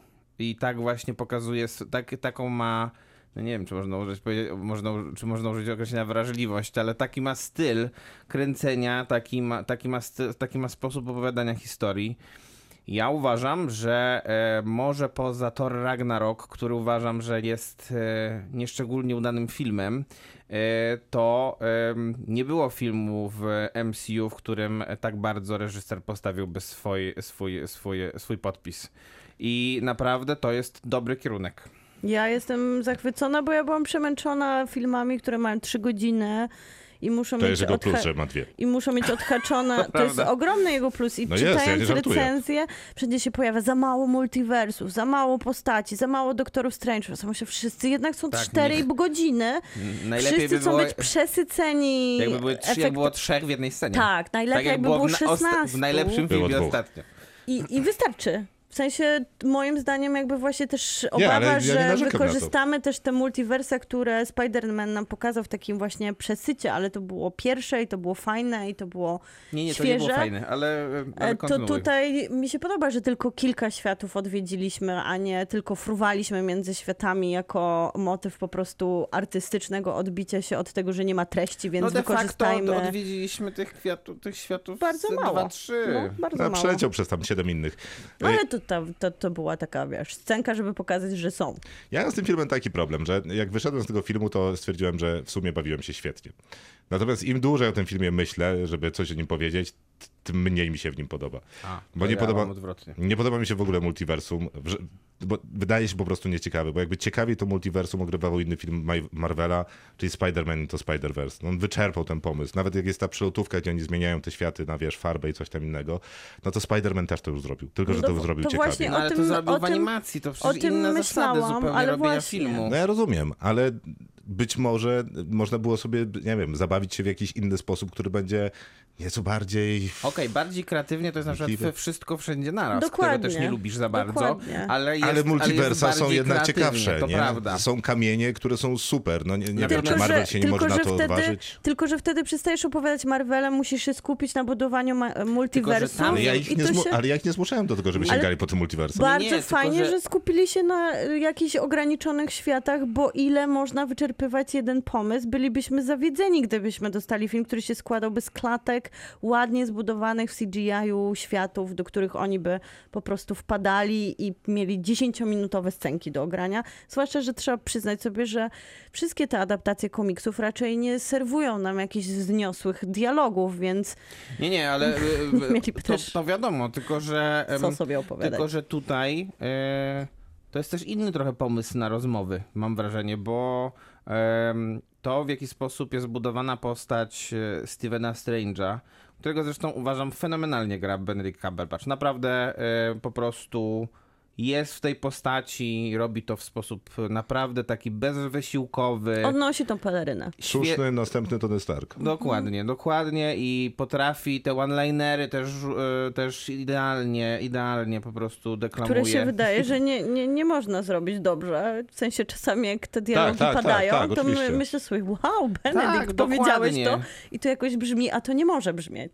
Ale z drugiej strony, jak padają te w cudzysłowie poważniejsze kwestie, które tutaj, w które tutaj wyposażona została Elizabeth Olsen, Może. to ona też jest dobra w Tak, tym. tak, tak. Ona walczy naprawdę A- z brakiem naj- materiału. chociaż- Nie, najlepiej- Eliz- Elizabeth Olsen jest super, naprawdę. Zgadzam się, totalnie walczy. Bo Chociaż moje najlepiej- dzieci, moje dzieci Chociaż to nie najlepiej jest jednak to robi, no. najlepiej jednak to robi, jak wchodzi w, jak, jak, jest, jak wchodzi w gatunek horroru. To wtedy Tak. jest przerażająca. Tak, świetna aktorka. Benedict Cumberbatch jest świetną aktor... aktorem w ten sposób. Tak, tak. No i to, i to jest to, czego nie można im zarzucić. Ale no szkoda, że Elizabeth Olsen ma chyba najbardziej zredukowaną postać, jaka Szkoda. istnieje. Szkoda, szkoda tych postaci, szkoda W tego sensie, sc- mam wrażenie, że. Benedicta Cumberbatcha jest tam nawet mało, mimo że jest w paru wersjach, no ale Ale ja tu też więcej, ja tu szukałam rozrywki, ja tu nie, jednak nie miałam jakichś wysokich oczekiwań do tego, tak, że te ja postaci mam- będą mi dobra, ja- serwować no to jedno- emocjonalną jedno jest opowieść. jednak ucieczka. nie? jedno No długie... jest, jest e- eskapizm. To jest, ja się zgadzam, na poziomie eskapizmu to jest super film. Jedno długie zdanie. Multiversa były ciekawsze w Spider-Man i to Spider-Verse. Animacja. Te zombie rzeczy były ciekawsze w tej animacji, której pół obejrzałem na YouTubie, w której, w której. Doctor Strange jest zombie i jest to ciekawsze niż w tym filmie. Relacja z Rachel McAdams jest kompletnie do śmieci. CGI wygląda tragicznie, a już w pierwszej połowie O, filmu nie, nie, nie. jest do śmieci. No co ty gadasz, no? Nie, tu jest taki Przecież Disney. My Czekaj, oglądaliśmy co ja ten gadam? sam film. W sensie, jak wygląda pierwsze 30 minut tego filmu? Nie, no przepraszam, o czym ty mówisz? Oglądaliśmy ten sam film. I nawet po otwierając- wyjściu z tego filmu mówiłeś, że dobrze wygląda ten świat. Otwierająca I scena nagle tego sobie filmu... teraz wymyśliłeś, że źle wygląda? Ej, no Maciek, pierwsze 30 minut tego filmu, No jak on wyskakuje przez... No o czym ty mówisz? Nie no Jeżeli serio, chcesz no tak nie, rozmawiać oczywiście. Nie no, no naprawdę, no znaczy nie będziemy tak rozmawiać, ale no y, ciężko zarzucić jakiemukolwiek filmowi Marvela, że źle wygląda, temu tym Chyba- bardziej, chyba, Black bo Widow, kreatywnie Czarna wygląda. Pantera. Chyba, O, że A to dobrze wyglądające Sony. filmy są? No źle są wyglądające. No, Na poziomie przy, CGI? Przy całym mojej nienawiści do Czarnej Pantery, no to nie ma, nie ma filmu Marvela, który źle wygląda, no.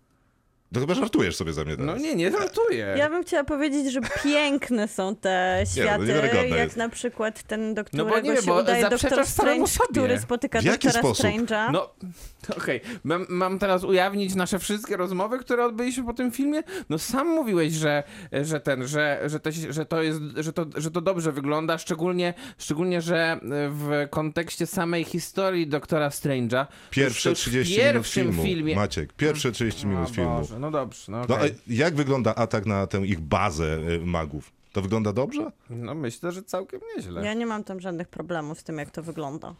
Z perspektywy tego, że to jest takie, to jest kiczowate, ale to jest kiczowate świadomie, bo to jest język reżysera. On jakby wykorzystuje ten kicz do opowiadania historii Tam około jest tak, tak jest tak mało tego sama Raimiego, nie? Bo oni tam stoją z tymi tarczami, to mówimy o tej samej No scenie, tak, nie? kiedy Wanda, Wanda, no tam już Wanda, Scarlet no, Witch przylatuje tak, żeby się z nimi bić. To jest dobre CGI? Słuchaj, no To ja, w okej, 3D... jeżeli to jest dobre CGI, to ja może nie potrafię ocenić dobrego CGI, ale moim zdaniem to jest fatalne. To gdzie jest dobre, jeżeli to jest złe? Tak mniej więcej, kiedy zaczyna się ten Sam Raimi, żeby nie spoilerować. No ale te światy takie disneyowskie, których jest niewiele, jest ten świat, do którego się przenoszą, który jest taki proekologiczny i przechodzimy na Tak. czerwonym świetle. Tak, tak, tak. I mamy ten świat, który został, z, jakby, w którym spotykam drugiego doktora Strange'a, który jest taką mroczną wersją rzeczywistości, też roz, post-apo rozbitym Tak. multiversum, no to to są bardzo satysfakcjonujące Są. światy, które mają taki język sobie disneyowski, Tak. zwłaszcza ten kolorowy świat. Tutaj jest w ogóle dużo Disneya. Jest. widzimy, W postaci sz- tak, Pani Ameryki. Ameryki. Tak, je, z jednej strony właśnie ona jest, no, to ona jest też dzieckiem, no to nie mm, musi mieć. wydaje mi się, że dopiero go będzie w sobie tworzyć. Może, może, może. O, nawet nie. Albo nie. Ale jakby też tutaj No nie się wiem. nie odbiłam od tej relacji ojcowskiej trochę Strange'a, która jest na siłę i wiadomo, Jest. po co nam coś No takiego, tak, ale, z ale... drugiej strony lepiej mieć, lepiej mieć takiego ojca w postaci osoby jak Benedicta Cumberbatcha, który ma tyle charyzmy, że może po prostu Lepiej, lepiej. ogarnąć trzy ekrany. To prawda. Ile tam dajecie punkcików? Ja daję 8 na 10. Ja daję 5. Ja, daję, ja się zastanawiałam pomiędzy 8 a 9, ale po tej rozmowie jestem pewna, że bawiłam się świetnie, bo Krzysztof ze Bawił swoim bólem udowodnił mi, że naprawdę wychodziłam jako szczęśliwe dziecko. Po dobrej rozrywce daję 9 na 10. Kinotok. Serial. No dobrze, czas, żeby stało się wszystko jasne. W, lo w logo Radia Ram jest żółty kolor. I to nie jest przypadek. Lakersi też mają żółte logo. Bartek Tomczak, Dobry wieczór. komentator NBA, znawca NBA, fan NBA. Cześć. Cześć. Obejrzałeś Lakersów? Obejrzałem Lakersów zdecydowanie i to była najlepsza rzecz, jaka się przydarzyła Lakersom w tym sezonie, jak pewnie dobrze wiesz, bo się nie zakwalifikowali do playoffów po jednym z absolutnie najgorszych sezonów w historii, mimo że gwiazd mieli pełno, tak jak e, w tym filmie, więc To ten chyba film jest... potrzebują nowego, charyzmatycznego przywódcy. Y, Szukają nowego trenera, tak się składa akurat. To pasuje do serialu. Lakers Dynastia Zwycięzców to serial, o którym będziemy rozmawiać. Tam głównie też szukają trenera. Musimy też y, zwrócić uwagę na wrocławski wątek. Śląsk Wrocław jest w playoffach. Śląsk Wrocław jest w playoffach i jak sobie rozmawialiśmy y, poza anteną, to fantastycznie, gdyby powstał taki serial o Śląsku Wrocław z lat 90., kiedy wtedy się budowała ta wielka dynastia, tylko mieliśmy takie obawy, że wyszedłby pewnie z tego taki mały żużel, jak znam życie, jakby dobrali aktorów, ale może jak ktoś ma tutaj pomysł, to nie uwielbiam waszą rozmowę o żużlu i w ogóle powiem szczerze, że bardzo lubię wasz podcast, mimo że nie oglądam filmów za dużo, to zawsze jak jadę autem, to, to słucham, więc fajnie tutaj być, ale myślę, że to jest fajne. sportowe emocje właśnie przed chwilą chłopaki tutaj Tak, reprezentowały. ale bardzo tak, bardzo, bardzo fajny pomysł, jakby ktoś o Śląsku Wrocław zrobił taki serial, jak jest to o Lakersach. Myślę, że by się Poszukamy, sprzedał dobrze. poszukamy takiej ekipy.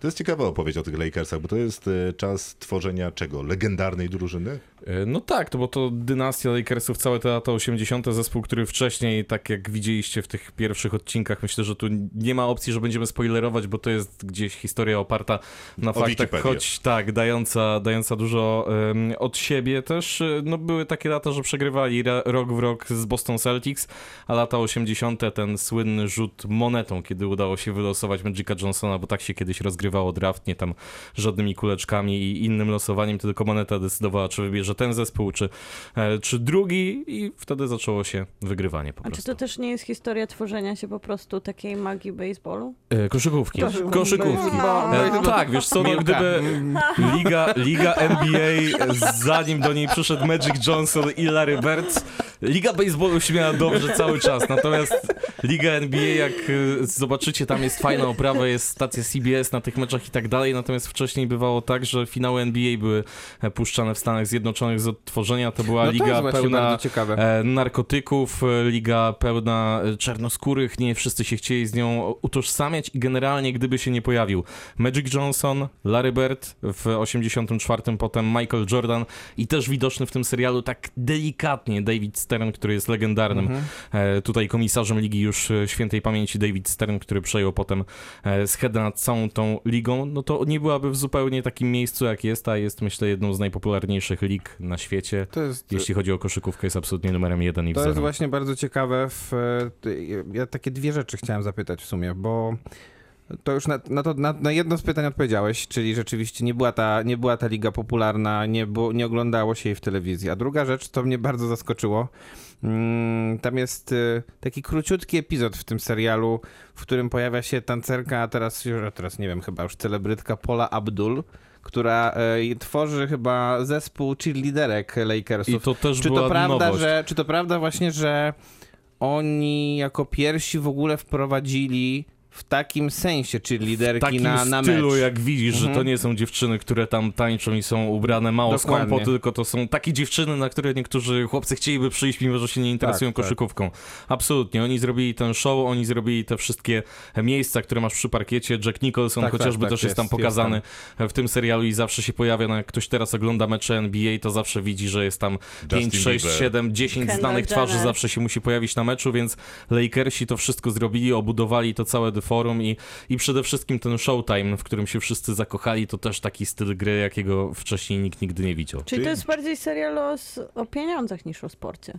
Myślę, że to jest serial i o tym, jak się O budowała życiu. wielka marka i trochę o sporcie. Mi się podoba to, że mimo, że to jest serial o koszykówce, to jest mało tej koszykówki, ale jak są te sceny koszykarskie, to są naprawdę wybornie zrobione. No właśnie, a to są, to, to jest, e, nie wiem, ja tego nie sprawdzałem, to są, te sceny są nakręcone, czy to, czy to są jakieś e, materiały archiwalne? Nie, no te czy... sceny są nakręcone, bo to grają aktorzy, którzy są w Mhm. e, tym serialu, natomiast nie wszystkie sceny mają swoje odzwierciedlenie w rzeczywistości. Na przykład jedna z fajniejszych scen koszykarskich, kiedy w, bodaj finale chyba pierwszym odcinku Magic Johnson w tej całej rezydencji doktora Bassa rywalizuje z e, Nixonem na parkiecie.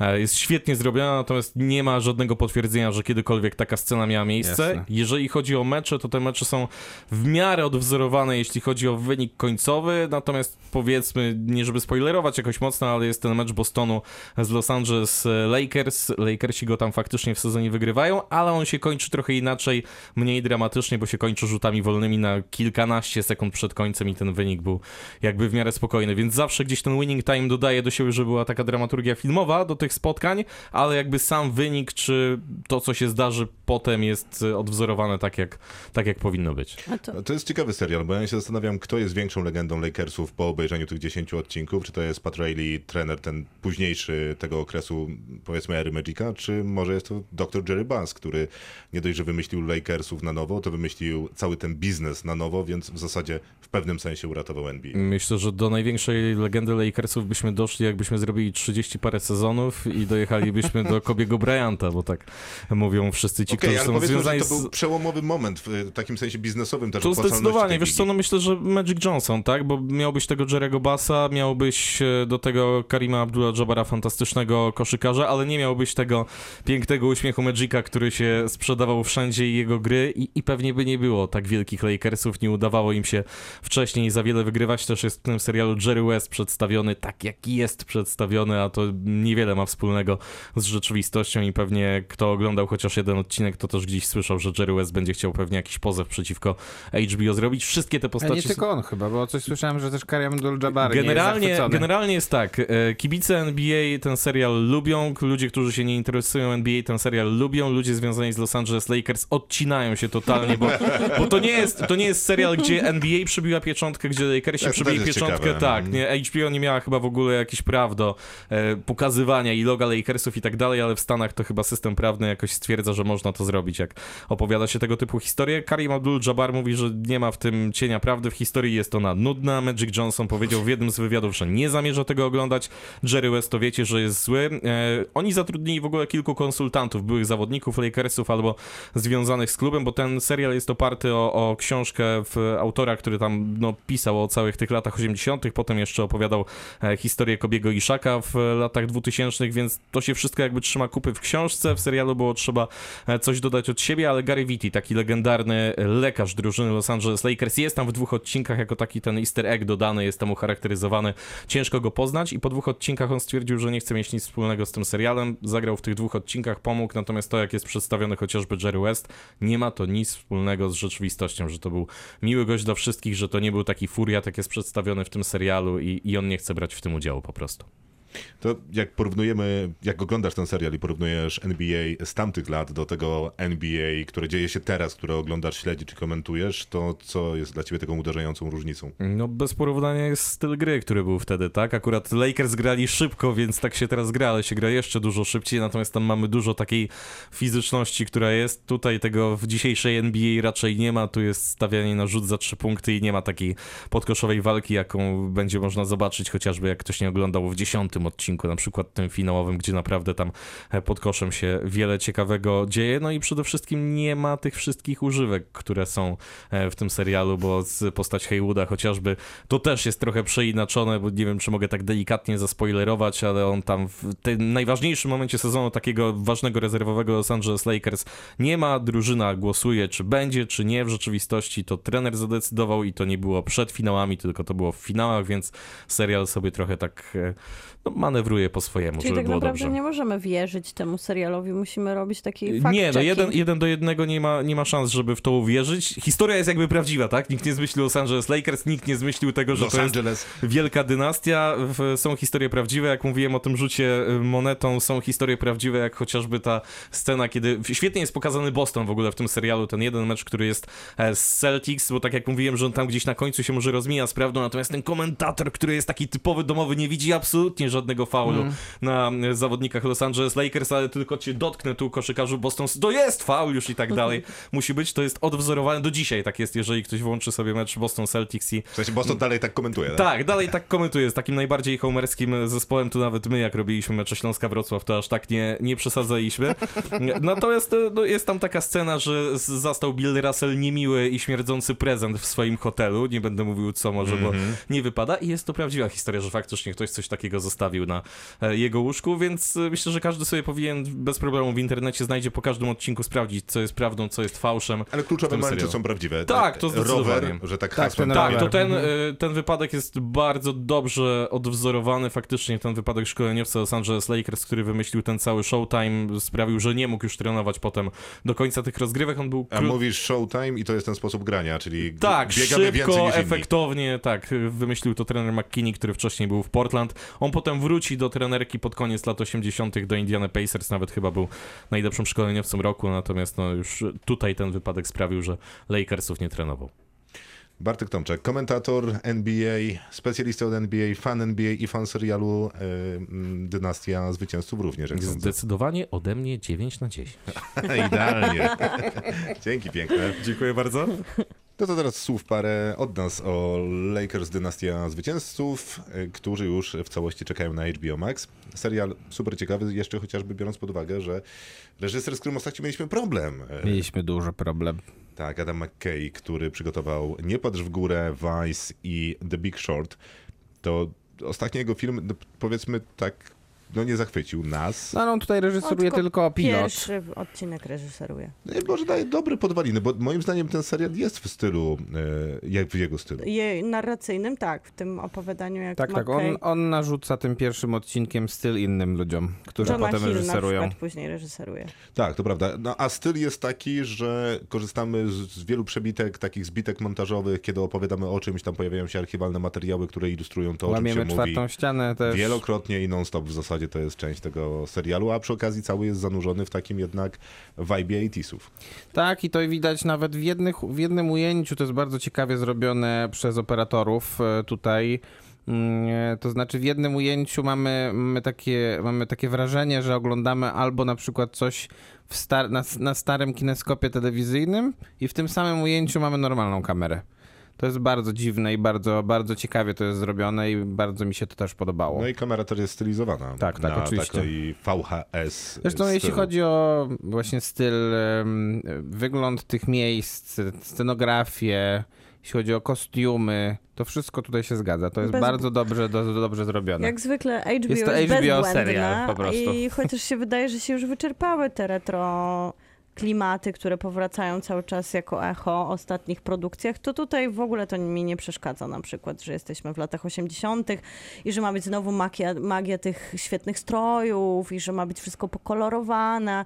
Myślę sobie, o nie, przecież ja już jestem taka tym zmęczona, już chciałabym jakiś współczesny serial, ale tutaj naprawdę to dobrze wygląda, bo HBO potrafi zaczarować rzeczy, które Tak. się już wydaje, że się No zmęczyły. niczego nie udaje jednak w tym serialu. Tak, to nie udaje. Nie skrzypi Że tam fałszem. tak, że jest Ale serial jest też, poza tym, że jest zbudowany na samej historii, to jest też zbudowany na bohaterach, Hmm. bo ci bohaterowie są naprawdę świetnie skonstruowani i to jest bardzo trudne zadanie, ze względu na to, że e, oni, y, i że jest ich bardzo dużo. I y, naprawdę kilku, czy może nawet więcej niż kilku, można byłoby uznać za przynajmniej prawie pierwszoplanowych bohaterów. E, I, e, i, I to nie jest taka, taka prosta rzecz, żeby na przestrzeni nawet tych 10 odcinków dać im szansę wszystkim się wykazać, a oni się po prostu mają szansę wykazać. Nawet w kontekście tego, co mówił e, Bartek? Bartek, czyli, e, czyli tego, że nie są to tak samo zbudowane postaci, jak w rzeczywistości No były. chyba to jest niezbędne właśnie, żeby napisać ciekawie. dobry scenariusz, że dokładnie. trzeba trochę tym postaciom, które w rzeczywistości są inne, dodać nowych cech, niekoniecznie Oczywiście. pozytywnych, żeby Jasne, zbudować nie ma o nową to nie jest dokument strukturę. To Nie, jest no. dokument, a poza tym no, HBO robi to właśnie świetnie, że poza tym, że ma pieniądze i potrafi to opowiadać, to potrafi to napisać i zatrudnić castingowo ludzi, którzy potrafią ten scenariusz Ale patrzcie, zagrać. jaka jest to różnica. Co prawda, tam to był serial teoretycznie dokumentalny w kontekście tego serialu o Chicago Bulls. The Last Dance. E, I jaki, jaka jest tutaj, jaki to jest kontrast jednak, bo tamten serial to e, Laurka. doprowadził do tego, że ja bym chciał e, lit, honorow, tego e, pokojowego Nobla dać Michaelowi Jordanowi niemalże, a tutaj to oni wszyscy są po prostu Mhm. tacy, Entuzjastycznie nastawieni do życia. tak można to nazwać, Ale to a brzmi- szczególnie ten Jerry Bass. To brzmi optymisty... pozytywnie i optymistycznie, ale to nie są do końca tacy super ludzie. Nie, nie, to nie są dobrzy sensie, ludzie. że- Myślę, że to kontrastu- mrugnięcie okiem jest no. tak wyczuwalne.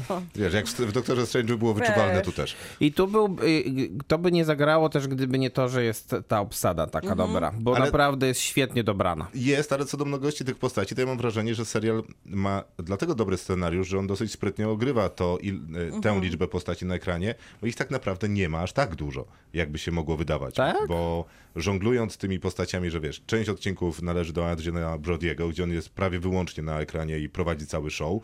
Wiele odcinków należy do Johna C. Reilly'ego, czyli doktora Bassa, no ale też sporo odcinków ciągnie na własnych plecach Magic Johnson. E, Tak. I jest też odcinek o Abdulu w zasadzie cały. I są świetne drugie Ale plany, są które też te drugie plany, trzymają. które jednak... Jakby uzupełniają Tak, to, kto tak. prowadzi I to świetne są orkiestrę. drugie No tak, no ale na przykład e, jest przynajmniej jeden odcinek, który w całości praktycznie jest o tym Jacku McKinneyu, czyli o tym trenerze, który, który wprowadził ten Mhm. nowy sposób prowadzenia drużyny i Tak. zmienił zupełnie tę drużynę i ona generalnie nie, nie, najlepiej, nie najlepiej przyjęła te jego pomysły. Ja może ja jestem profesjonalistą i muszę biegać? Dokładnie. No ale ta obsada to jest jednak to jest jednak clue sukcesu tego serialu, myślę, bo mm, no John C. Reilly gra tutaj rolę życia. Myślę, że to nie będzie jakieś takie No, ryzykowne stwierdzenie. To prawda, ale on to gra na jednej niekończącej się szarży. Tak, ale to ale tak jest jak- wspaniała Że ani razu nie przekraczy tej niezdrowej granicy, w której można się potknąć. Albo przekroczył ją już 100 O, razy. właśnie, albo przeskoczył ją. Tylko, że my, Ale się tylko, że, tylko, że cał, dalej. całkowicie to kupujemy. Przy okazji rozdzierając swoją koszulę. Nie, nie, ale to całkowicie to kupujesz jednak. Zaczął tak, ostatni guzik. Znaczy, Tak, dokładnie. Ta koszula jest otwa- o, jest zupełnie rozpięta praktycznie cały czas. Ale no nie wiem, na przykład te sceny, które on wygrywa ze swoją córką, bardzo dobre są. Mhm. A najlepsze to są sceny z matką. No nie, no ale to, to jest klasa. Klasa, bo matkę gra e, zdobywczyni Oscara Sally Field, więc myślę, że tutaj też jest to fajne takie... To nawet jest trochę więcej niż cameo, bo ona jednak jest w kilku Nie, no odcinkach jest, dobrych. jest, jest. Nie no, ona jest księgową i, i pojawia się naprawdę bardzo I często. Jest taki dla... odcinek pożegnania z nią też e, całkiem duży. Tak. Ja nie wiem, czy ta, o, znaczy bez tej obsady pewnie trudniej byłoby zrobić ten e, serial, ale ja naprawdę oddaję wiele realizacji No z tak. samej produkcji, bo wy- tak, wygląda świetnie. E, To, jak wygrywane są kolejne elementy tej koszykówki, no bo tak, jest ta koszykówka, jest ta arena, są te wszystkie dodatki w postaci Ten klubu, czy klub, liderek, jest ta Są rywalizacja z Bostonem, emocje. jest ten wątek religijny i Mhm. co to znaczyło dla Afroamerykanów w tamtym czasie, a akurat ten islam, który pojawia się przecież regularnie tutaj w, w kontekście koszykówki, ale przy Malcolmie Xie przecież się też pojawiał przy bokserze, czyli przy e, Muhammadzie Muhammadzie Ali, Ali, mhm. więc to nie jest też jakiś taki e, Kawał scenariusza. pusty jakiś fragment. No ale to jest, są jeszcze te elementy związane właśnie z całą, e, z całym backgroundem, czyli te działania działaczy, poszukiwanie trenera, Sponsoring. budowanie klubu.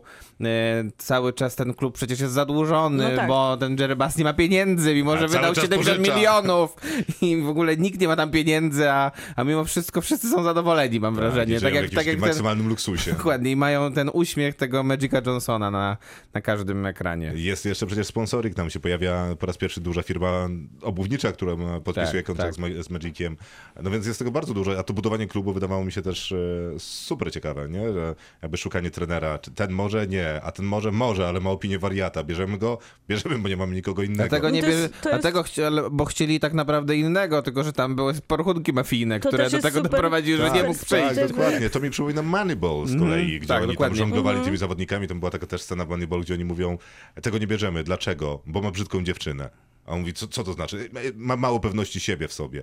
E, I to są też takie jakieś absurdy e, No takie- sportu utarte. Ale też takie, skautów. które są dla ludzi, którzy nie są do końca zainteresowani sportem, w sensie dla widzów. Są to rzeczy, które da, dają taką oś serialu, która się kręci jakby No dynamicznie dokładnie. i nie fokusuje się na rzeczy, które powiedzmy, że są dosyć hermetyczne, bo niewiele ludzi chce Nie, nie, bo to co Bartek sportowe powiedział, seriale. bardzo niewiele jest tutaj sportu takiego, takiego Żeby pra- prawdziwego, żeby grali w no. I koszykówkę. co jest ważne chyba dla, tej, dla stacji, dla HBO, ona często nam daje jakościową telewizję, ale to jest taka ciężkawa rozrywka, która prowadzi do refleksji, która gdzieś przegrzebuje się przez mroki egzystencji.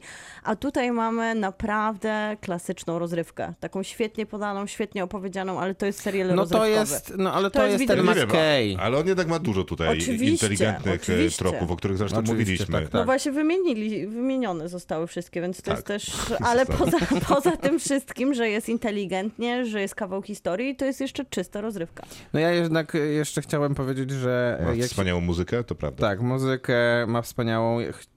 Jak się patrzy na tego Quincy'ego Isaiaha, który gra Magica Magica, Johnsona. Johnsona, no to warto sobie obejrzeć te zdjęcia, jak wygląda Magic Johnson za młody, jak wygląda ten człowiek. No to nie wiem. Nie wiem skąd oni go wzięli, ale naprawdę jest Ale identyczny. zrobili to. Naprawdę jest identyczny. Takie rzeczy robi HBO Max, Lakers Dynastia Zwycięzców dostępna. Ja to bym dał dyszkę. I ja też daję. Nie, to nie daję, bo ja nie widziałam w całości. Kinotok. Serial. Serial, który nazywa się Pachinko. Nazywa się Pachinko. W 2017 bestsellerowa książka pisarki Min Jin Lee, która jest dziennikarką, mieszka na Manhattanie, ale opowiada historię, która w sumie zaczyna się w książce w 1910, a kończy się w 1989. Książka jest podzielona na takie trzy rozdziały czasowe. I mamy, co ciekawe, showrunnerkę, która wcześniej bardzo często pracowała w telewizji przy The Killing, The Terror, Under the Dome, no to tu już można trochę sobie pominąć, ale Ale Wcześniejsze- wcześniejsze produkcje bardzo zacne. I tak, i tutaj jest w sumie i odpowiedzialna za scenariusz, jest producentką, i jest showrunnerką i zaprosiła do współpracy Kogonadę, czyli reżysera, którego znamy. Myślę, że niewielu ludzi go zna z tego jego małego filmu, który w 2017 się pojawił i nazywa się Columbus i szczerze odsyłam do niego, bo to jest piękne, małe amerykańskie kino Teraz o będą przedpremiery tego tak, jego drugiego filmu After, After, Young. Young, który w Polsce się przedsta- e, wchodzi do kin jako Young. Naprawdę? Tak. O proszę. Jak zwykle potrafimy zaskoczyć. Pozdrawiam Monolit. Więc tak, tutaj on reżyseruje większość odcinków i jest to adaptacja, która jest potwierdzona już na drugi sezon i w sumie wszyscy, którzy czytali książkę i w pewnym momencie zaczęli dochodzić do finału serialu, wiedzieli, że no tutaj nie, nie wypowie się ta 500, prawie 490 stron książka, więc można było odczuć, że to się nie wyczerpie w tym pierwszym sezonie. A, w tym sensie, no tak, tak, tak. No że ale dobra, dwa sezony to dwa sezony. Tak, dwa sezony to dwa A sezony. dwa sezony były od razu zaplanowane, Nie, tak? nie, dopiero Nie. poinformowało Apple o tym przy okazji finałowego odcinka Pachinko, ale zakładam, że musieli mieć je zaplanowane od początku, Chyba tak. skoro rozpisali Jakiś pierwszy marketing. sezon. Ale to ważne, co powiedziałeś, Myślę, że, że to jest Apple sprawdzić. TV e, i to jest kolejny serial z Apple TV, który Tak. robimy i Tak, oni tak. po tych pandemicznych jakichś obsługach Nauczyli się. odpalili dużo seriali.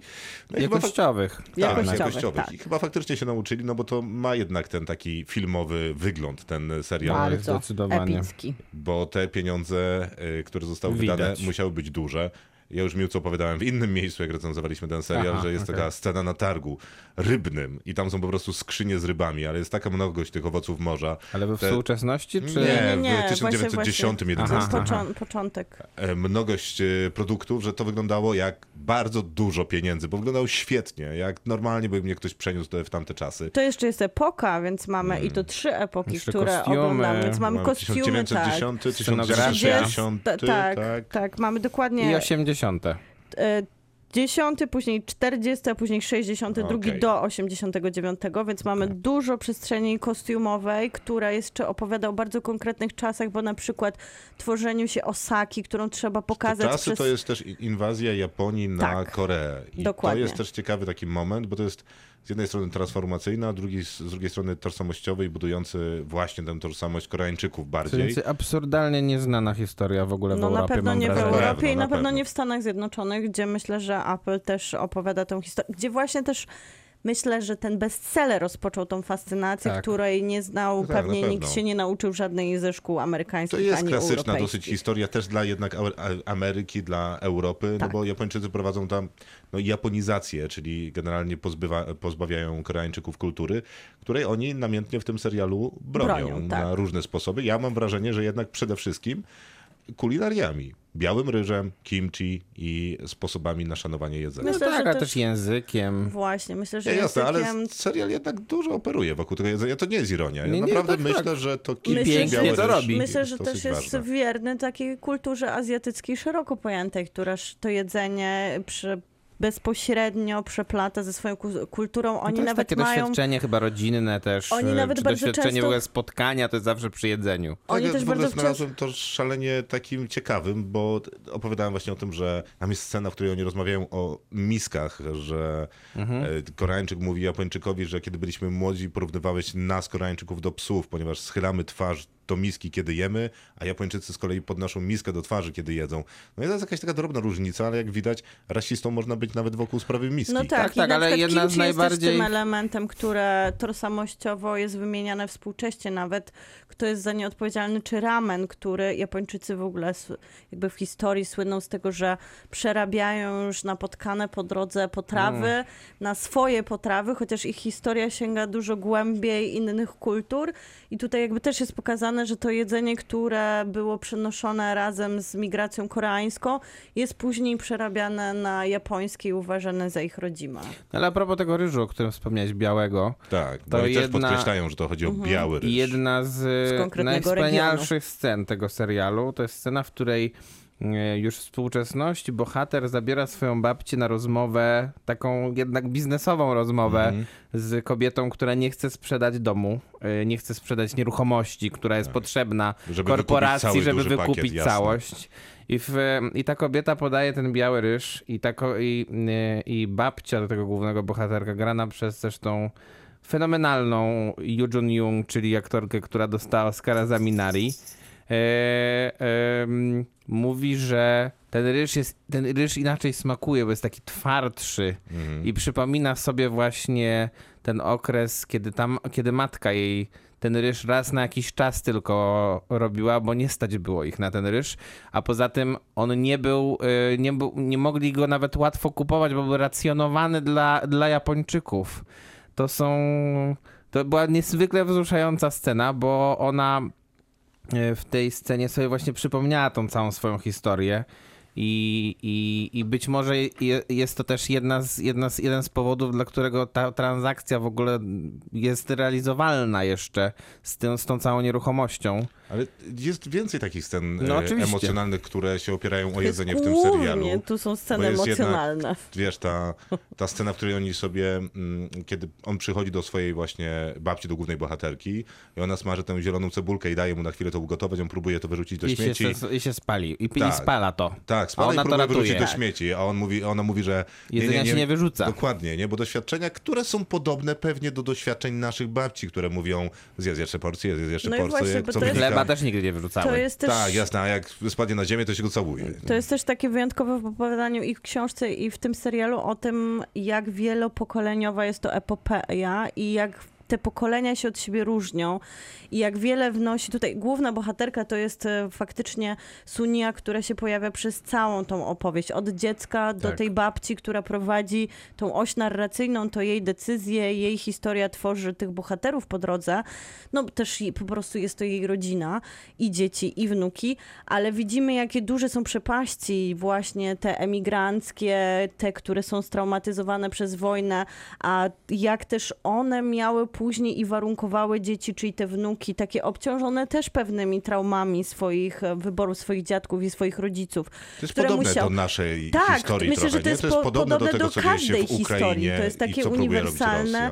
Dlatego ten serial, Mhm. przez to, że chociaż mówi obcym językiem, oglądamy, co też jest bardzo ważne w kontekście książki i serialu, on pokazuje coś, czego książka nie mogła pokazać, czyli napisy, które są konstruowane tutaj w dwóch kolorach, żeby pokazać, jak koreański później był wypierany przez japoński, którego Koreańczycy się musieli nauczyć, a że chronili swój język jako jedną z niewielu właśnie dróg do zapamiętania swojej tożsamości. Ona się przeplata wśród ich dzieci i wśród ich rozmów, używając języka i koreańskiego i japońskiego na Ale to przykład w się jednym dzieje zdaniu. niestety. W sytuacjach wojennych to bardzo często się dzieje, że jeden naród y, niszczyć chce, najład, naj, najszybciej, naj, najbardziej skutecznie zniszczyć drugi naród można poprzez Poprzez zniszczenie jego inteligencji, kultury. Tak, to Dokładnie. prawda. Y, To, to, co robią z napisami, ten niebieski i żółty, niebieski dla japońskiego, żółty Mhm. dla koreańskiego, to jest jeden z najlepszych takich zabiegów okoła, jednak poza serialowych, bo to jednak jest w, Tak, w to, ramach to, nie, to nie platformy. jest żadna narracja, tylko to jest tak. Tak. po prostu pomysł, jak to, jak to ugrać, żeby, Jak to żebyśmy, opowiedzieć. Żeby widzowie z Ameryki czy z Europy mogli zrozumieć, że rzeczywiście oni nawet jak rozmawiają, to czasem używają dwóch języków. Tak, to jest fenomenalne, zwłaszcza, że y, widać ewolucję tego, nie? Zwłaszcza jak jesteśmy w tych dziesiątych latach, no to te języki są takie bardzo osobne, żółte, niebieskie, mocno Tak, podzielone, tak. a już w tych y, współczesności Współczesne. widać, że są poszczególne Tak, słowa bo na przykład niebieskie syn, w syn właśnie zdaniach, głównej bohaterki kończy niektóre Tak. zdania w innym języku niż zaczyna. Tak, tak, Dokładnie, tak. albo przeplata pojedyncze słowo. Więc to w zasadzie robiło na mnie największe wrażenie i bardzo mi się podoba ta historia budowania tożsamości w oparciu o jedzenie i w zasadzie ta historia nieznana dla mnie z tej perspektywy Historyczny. historycznej, Mhm. ale budowania tożsamości jest świetnie opowiedziana. Przypomniała mi się Kolej Podziemna, która wydaje mi się, że miała pełnić taką samą funkcję Bardzo dla są podobne te seriale Afroamerykanów. nawet. Znaczy, Stylistycznie są To podobne. stylistycznie mi się w ogóle nie kojarzą, ani trochę. E, natomiast No jeżeli patrz, chodzi... epickie, Ale super zupełnie- przy- ale w- takie... zupełnie Znaczy nie, inny ale no w sposób. inny sposób. Jednak Barry Jenkins był epicki, bo opowiadał obrazem i to były monumentalne niemalże sceny, a poza tym to były takie sceny, które się powinno pokazywać na ekranie, du dużym ekranie kinowym. E, Pacinko jest jednak serialem, który można spokojnie obejrzeć Ale na też małym ekranie. wybronił świetnie na I, dużym i, I ta narracja pewnie jednak tak. jest dużo bardziej subtelna i, i pomniejszona w, ten w, ty, w, tym, w tym zakresie, tak, Tak, mi no się bo wydaje. bywa bardziej kameralna, chociażby przez to, że spotykamy się przy tym stole, przy ku- Tak, w kuchni, tak, tak. Przy, przy, przy palniku. Y, Natomiast no, ja miałem tam parę problemów z tym serialem, bo jako że już tam jesteśmy w takiej linii y, jakby pozytywnych rzeczy, to też nie wszystko mi się podobało, bo jednak mi się kojarzył z, y, to pisałem wam to już z panem Tadeuszem, nie? że to też jest jakieś budowanie polskiej tożsamości, e, przez co jest takie dużo słońca naświetlone, jesteśmy uśmiechnięci, widzę trochę skansen, e, tam jest taka scena, w której dziewczyna kręci, ta główna bohaterka, kręci tę słynną koreańską pastę gochujang, dodaje do tej pekińskiej kapusty, e, następnie idzie na wybrzeże, tam łowi tego jakiegoś charakterystycznego ślimaka, którego nazwy nie pamiętam, darujcie, jestem ignorantem, jeżeli chodzi o koreańskie jedzenie, no i później mija trzy osoby, które mają pewnie jakieś tam klasyczne amfory, z których czerpią coś tam. No i miałem wrażenie, że to jest trochę być może, mimo że są tam pieniądze, to jest tak mało subtelnie mi to podawane i jest to jednak serial W sensie, że ten serial według ciebie trochę za zbyt poważnie siebie traktuje i chyba... A e, jednak opowiada dosyć takie bardzo proste rzeczy. Nie No mówię, tak, tam opowiada jednak, Pamiętajmy, opowiada jednak jesteśmy- banalną historię Ale pamiętajmy, dość. że jesteśmy na bazie bardzo. bestselleru, co zwykle prowadzi do dosyć banalnych takich, wiecie, Tak, y, epickie opowiadanie na przykład o historii, Tak, o tak. emocjach, O to mi o wycinku O mi rzeczywistości, ale zwykle sp- dosyć banalnym to, są, to wydźwiękiem. są banialuki często. Nato-? Tak, ale natomiast te- dobrze ten- rzeczywiście jest wybrane, dobrze jest to wybrane to, co powiedziałeś, czyli e, jak, jak uwaga jest skoncentrowana na, tej, na tym języku, na jedzeniu, no i e, nie mogę jeszcze raz nie powtórzyć, na tej Yujun Jung, No jest wspaniałe, oczywiście. to, e, to wtedy w tym serialu wszystko gra. Ja jednak się będę upierać, że tu wszystko gra, bo to jest lekcja, jak, rob, do, jak robić dobrze melodramat, taki epicki melodramat, z elementami telenoweli, bo to jest niezbędne do tej Mm. Ja bazy. nie uważam, że właśnie, że jest niezbędne. I te frazesy, które się tam pojawiają, one, one jak najbardziej też mają taki nośnik emocjonalny, który u mnie się sprawdza. W sensie nie ma to dla mnie znaczenia, że obijamy się o pewne uproszczenia emocjonalne, kiedy wchodzimy w ten epicki świat takiej wielkiej, rodzinnej sagi, opowiadanej też w kontekście dla mnie egzotycznym, bo ja tej historii nie znam, te światy są dla mnie nieznane. Ja rozumiem ten On mnie argument, tylko prowadzi że przez taki... nie musielibyśmy też, nie? Nie, no a ja nie... Nie, nie widzę też, e, żeby ten materiał źródłowy mógłby być jakiś inny na 500 stron bestselleru, który opowiada o historii świat, kawałka świata, którego prawdopodobnie nikt by się nigdy nie zainteresował, gdyby nie miłość, gdyby Pewnie nie mógł rodzina, być jednak nie gdyby nie skoncentrowany jedzenie. na miłości. Jakby był skoncentrowany tylko na jedzeniu, to byłoby super. Nie byłoby super. W sensie nie obroniłyby Nie, no się nie, dwa teraz, sezony. nie będziemy teraz zgadywać, co by było super, a co by nie było. No to nie jest też Food Network, to, prawda, No nie ale jest, mamy, to nie jest, ale mamy też szansę stwierdzić, że Wtedy teraz jednak dużo takich programów zależnie kulinarnych. być może od perspektywy, moja jest taka, że jest nieidealnie, bo cieszy mnie, że jest ta współczesność, bo ta współczesność tego, zmieni- Tak. tego pojawiającego się się kapitalizmu światu. O tyle ratuje ten serial, że przestaje być taką baśniową opowieścią sprzed tym lat, jak to było pięknie tak. i że... Te tam jest tam dużo tej mgły, bardzo Tak, dużo mgły. Dużo, wiesz, tam mgła. No. Ale Więc to ja bym... sprawę ratuje, ale te, no, te banialuki są. Ja chyba jestem po prostu I ile dajesz? super odporna na Siedem daję. banialuki, bo płakałam na ca- każdym odcinku i szczerze chciałam, żeby ten serial się nigdy nie skończył, żeby Rozumiem, każdy Miłka, dzień że dajesz zaczynał się 10, od rozumiemy. To jest miłe, Ja od, to, jest, 12. to jest miłe określenie, że Miłka jest super odporna na banialuki, a ja daję 8. No i to wszystko na dzisiaj. Bardzo dziękujemy. Zapraszamy na Spotify'a. Tam y, prosimy o 5 gwiazdek i o subskrypcję. I o znajomych i rodzinę. I dobranoc. Kinotok. Tuż przed wyjściem do kina.